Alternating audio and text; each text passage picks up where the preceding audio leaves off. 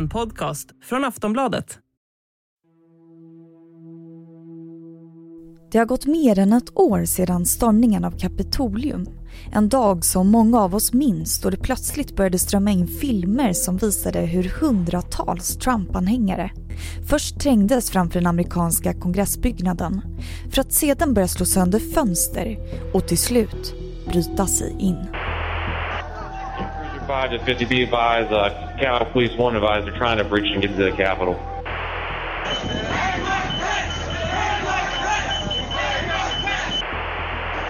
But this is now effectively a riot. 49 hours declaring it a riot. Because you'll never take back our country with weakness. You have to show strength and you have to be strong. Dagen har gått till historien och den förra amerikanska presidenten Donald Trump har kritiserats för att inte ha gjort tillräckligt för att stoppa upploppet utan snarare ha hejat på. Och nu, ungefär ett och ett halvt år senare, inleder den amerikanska kongressen utfrågningar om stormningen och om vilket ansvar Trump egentligen hade i det hela. Hittills har det sett svettigt ut för honom som tillbakavisar alla anklagelser och ihärdigt fortsätter påstå att valet, då han förlorade mot nuvarande president Joe Biden, var riggat. Så, nu när USA sitter på nålar hemma i tv-sofforna och ser på de direktsända utfrågningarna, vad är det som kommer fram? Vilka är det som vittnar? Kommer Trump att kunna åtalas för det här? Och varför har Trumps egna dotter, Ivanka Trump, plötsligt vänt sig emot honom? Jag heter Vilma Ljunggren och i dagens Aftonbladet Daily ska jag prata med Wolfgang Hansson, utrikespolitisk kommentator här på Aftonbladet, om de pågående utfrågningarna om stormningen av Kapitolium.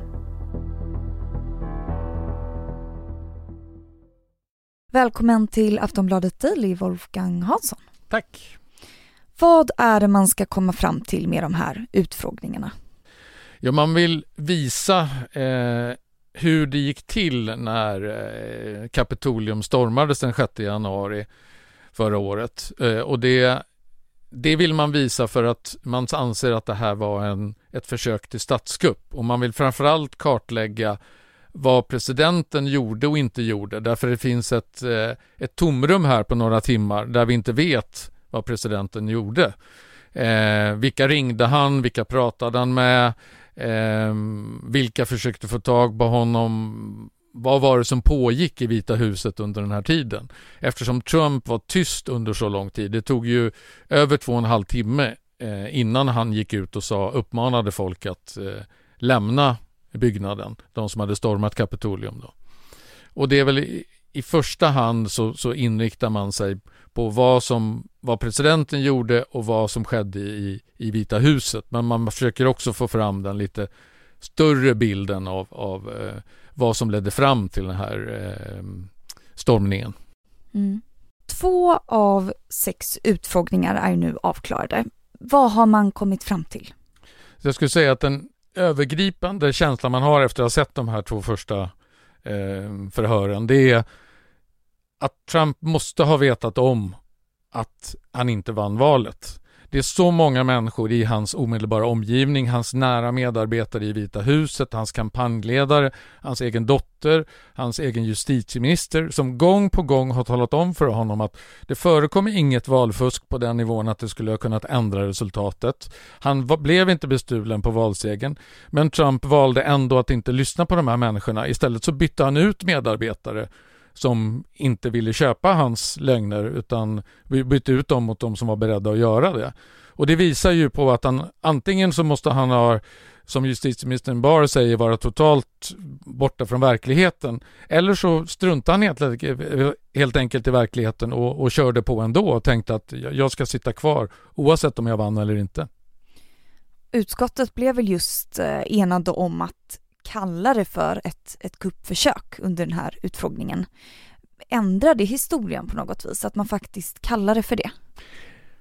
Det är svårt att säga. Jag tror att de, de flesta eh, som ser det här som är så att säga lite mer oberoende bedömare som kanske inte är involverade i den amerikanska politiken.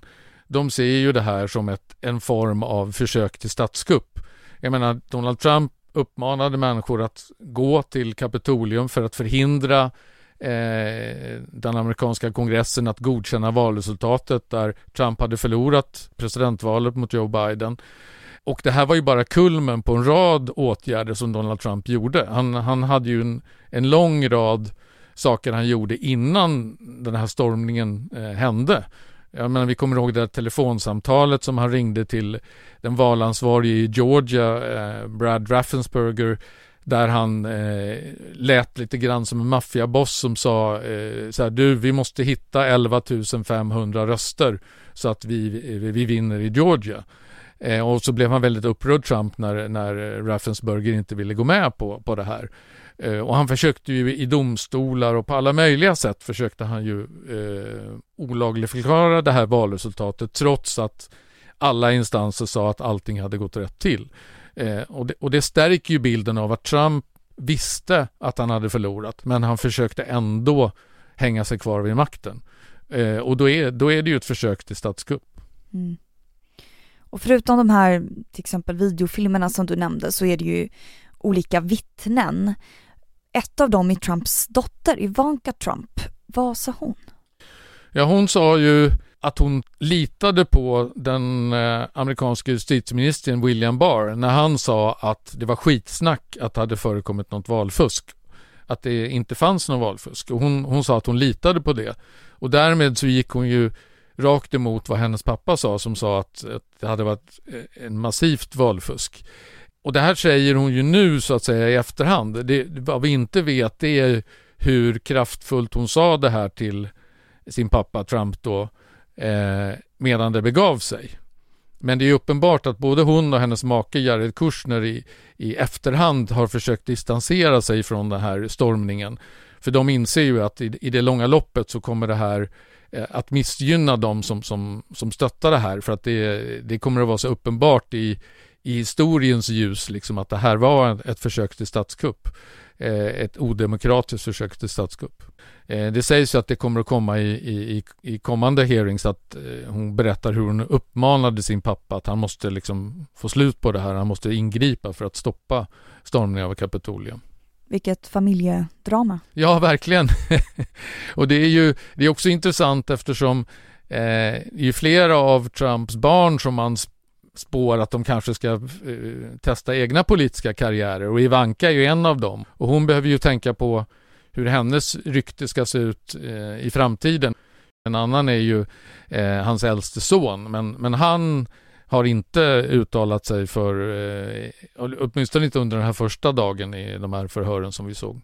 Så vissa kan använda det här för att vinna politiska poänger också? Ja, absolut. Och vad är det för fler vittnen som deltar i utfrågningarna?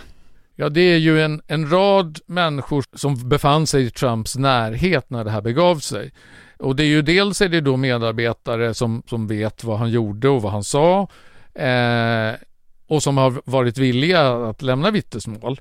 Men sen finns det också då många som har vägrat att ställa upp eh, för kommittén och som då har blivit eh, stämda för, och, och det kommer, de väntar åtal för, för trots mot eh, eh kongressen då.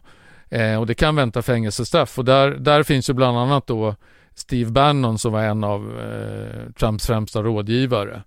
Eh, så att de har ju intervjuat tusen personer, eh, tusen vittnen och, och personer som har haft insyn i, i det som hände den här dagen.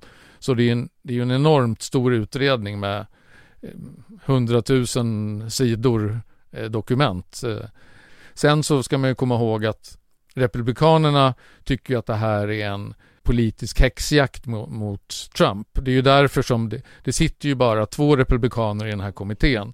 Det är den som kallas eh, 6 januari-utskottet. Precis, precis.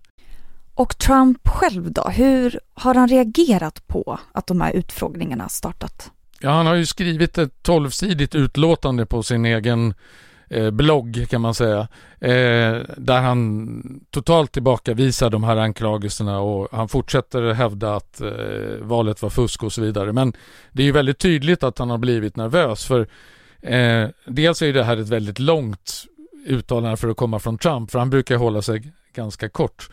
Eh, och dels så framgår det ju tydligt av de här utfrågningarna att det här är ju människor i Trumps egen inre krets. Det är ju de människorna han normalt sett litade som mest på. Det är de som har sagt till honom att han inte vann. Och när allmänheten, den breda amerikanska allmänheten får se det här och upptäcker det här, då kanske det är fler och fler som tänker att ja, men det kanske inte var fusk ändå och som inte längre köper Trumps eh, teori. Och om de inte gör det, då blir det ju också omöjligt för dem att, att rösta på honom ifall han skulle ställa upp i presidentvalet 2024. Så att det här, det här kan få allvarliga följder för Trumps chanser att både att ställa upp i valet och att vinna ifall han ställer upp. Kan man säga att han blir ensammare och ensammare? Ja, samtidigt som man måste ju fortfarande säga att han, att han har en ganska god kontroll över partiet. Men det, det håller på så sakta att krackelera och det gör det mer och mer. Eh, och beroende på vad de här utfrågningarna visar nu framöver och vad som blir den slutresultatet av dem så kan det få väldigt allvarliga följder för Trump. Så det kommer lite lägligt för andra eventuella kandidater då? Ja, det gör det absolut. Aftonbladet Daily är snart tillbaka. Cool fact a crocodile can't stick out its tongue. Also, you can get health insurance for a month or just under a year in some states. United Healthcare short term insurance plans, underwritten by Golden Rule Insurance Company, offer flexible, budget friendly coverage for you. Learn more at uh1.com. De sex utfrågningarna sänds live på bästa sändningstid i amerikansk tv. Den första utfrågningen sågs av 20 miljoner amerikaner. Så vad säger USAs befolkning om utfrågningarna egentligen? Hur har reaktionerna sett ut? Vi hör Wolfgang Hansson igen. Ja, det är många som sitter och tittar och men det är ändå inte eh, så att säga så att alla, alla det är inte som Ingmar Stenmark ögonblicket i Sverige liksom där hela samhället stannar. Utan jag, min känsla är väl att de, framförallt är det de som är alltså demokratiska väljare eller de som inte gillar Trump. Det är de som tittar för det är de som tycker att det här är en, en händelse som är väldigt viktig att få fram sanningen om. Medan republikaner, de flesta republikaner har, har liksom bryr sig inte om det här eller de i alla fall utåt sett så vill de inte att det, att det ska komma, att man ska ägna så mycket tid åt det här längre utan man ska dra ett streck över det och, och gå vidare. Gissa att det är mest demokrater hemma i tv-sofforna? Ja, ganska mycket skulle jag tro. Och, och, man, och det är också så att eh, den här kanalen Fox som ju är den mest, mest höger eh, inriktade kanalen, de sänder ju inte de här förhören direkt utan de har bara någon slags nyhetsbevakning av det. Så vad tror du att vi då väntar framöver här då? Om man tittar på hela processen, alltså från själva valdagen och fram till den här den 6 januari, så är det ju så otroligt tydligt hur han försöker påverka en rad domstolar, eh, folkvalda och så vidare att inte godkänna eh, valresultatet. Så att jag menar, egentligen så vet vi ju redan väldigt mycket om hur han försökte genomföra den här, det här försöket till statskupp som man ändå måste säga att det är. Så frågan är om det inte kommer fram några väldigt explosiva uppgifter om vad han har gjort eller sagt. Eh, så är frågan om det egentligen kommer att ändra så himla mycket. Det är ju då om han skulle bli åtalad på något sätt som det skulle kunna få lite, mera, lite större följder. Men det är inte så troligt att han hamnar i finkan för det här?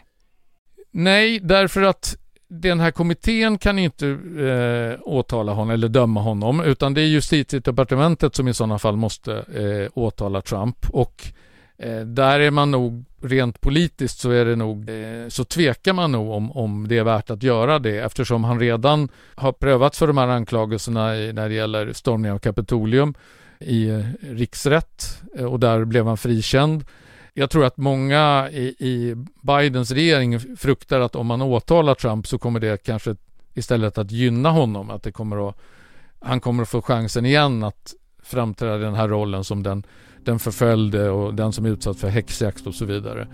Eh, så att jag, jag, är långt ifrån övertygad om att det blir något åtal eh, oavsett vad som kommer fram i, i de här förhören. Vi får se vad som händer efter de här sex utfrågningarna helt mm. enkelt. Ja, det ska bli väldigt spännande i alla fall att följa dem. Håller med. Tack så jättemycket Wolfgang Hansson för att du gästade Aftonbladet Daily. Tack. Du har lyssnat på Aftonbladet Daily med Wolfgang Hansson, utrikespolitisk kommentator här på Aftonbladet. Och med mig, Vilma Ljunggren. Tack för att du har lyssnat så hörs vi snart igen.